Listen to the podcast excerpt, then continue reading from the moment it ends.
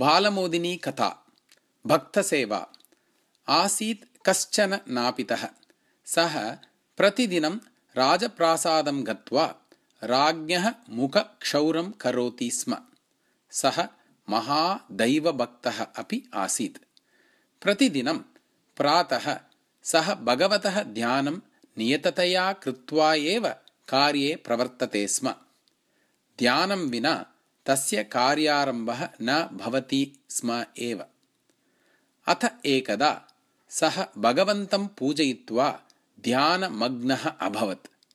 ध्यानमग्नेन तेन समयातिक्रमः न ज्ञातः एव।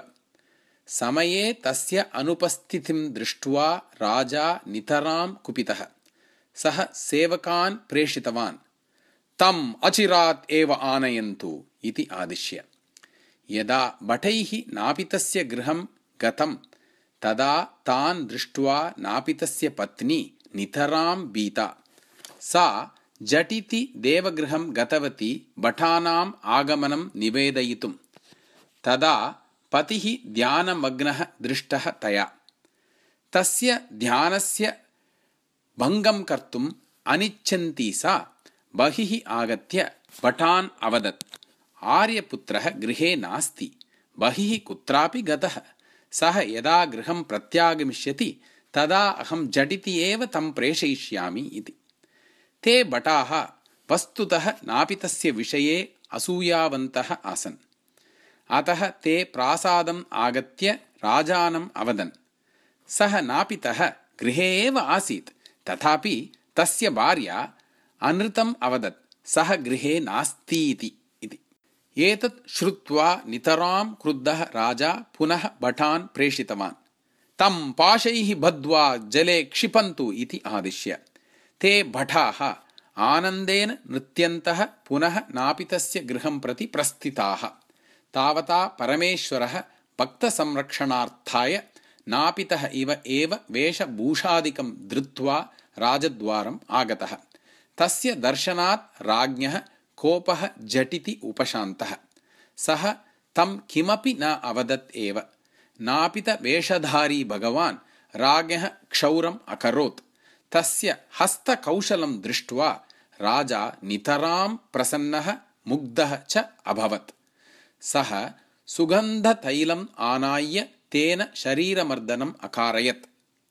तदवसरे तस्य चतुर्भुजरूपं तैलपात्रे तेन दृष्टम् राजा मुखम् उन्नीय अपश्यत्।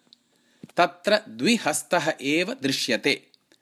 तदीयं द्विधा रूपं दृष्ट्वा अतीव विस्मितः मोहितः च राजा। तस्मै बह्वीः सुवर्णमुद्राः अयच्छत्।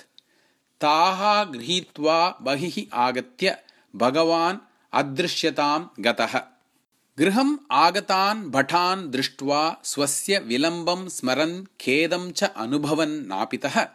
तैः सह वेगेन गृहात् निर्गतवान्। प्रासादम् आगत्य राजानं नमस्कुर्वन् क्षमां याचन् सः अवदत्। महाराज क्षन्तव्यहम्। अज्ञानवशात् मया विलम्बः कृतः। मम एषः अपराधः क्षन्तव्यः इति। तदा राजा अवदत् इदानीमेव मुखक्षौरं कृत्वा गतवान् भवान् पुनः किमर्थम् आगत्य क्षमां प्रार्थयति? तदस्तु भवान् स्वस्य चतुर्भुजरूपं पुनरेकवारं प्रदर्शयतु इति। तस्य वचनस्य श्रवणेन नापितः अवगतवान्। यत् स्वयं भगवानेव आगत्य राज्ञः मुखक्षौरादिकं कृतवान् अस्ति इति। सः विलपन् हे भगवन् मम रक्षणार्थं भवान् कीदृशं नीचकर्म कृतवान् राज्ञः मुखक्षौरशरीरमर्दनादिकं कृतवान्। राज्ञे दर्शनं दत्तवान्। मया किम् अपराद्धम्? यदि दर्शनं न दास्यति तर्हि अहं प्राणान् त्यक्ष्यामि इति। सन्तुष्टः भगवान् पुनः प्रत्यक्षः अभवत् तयोः पुरतः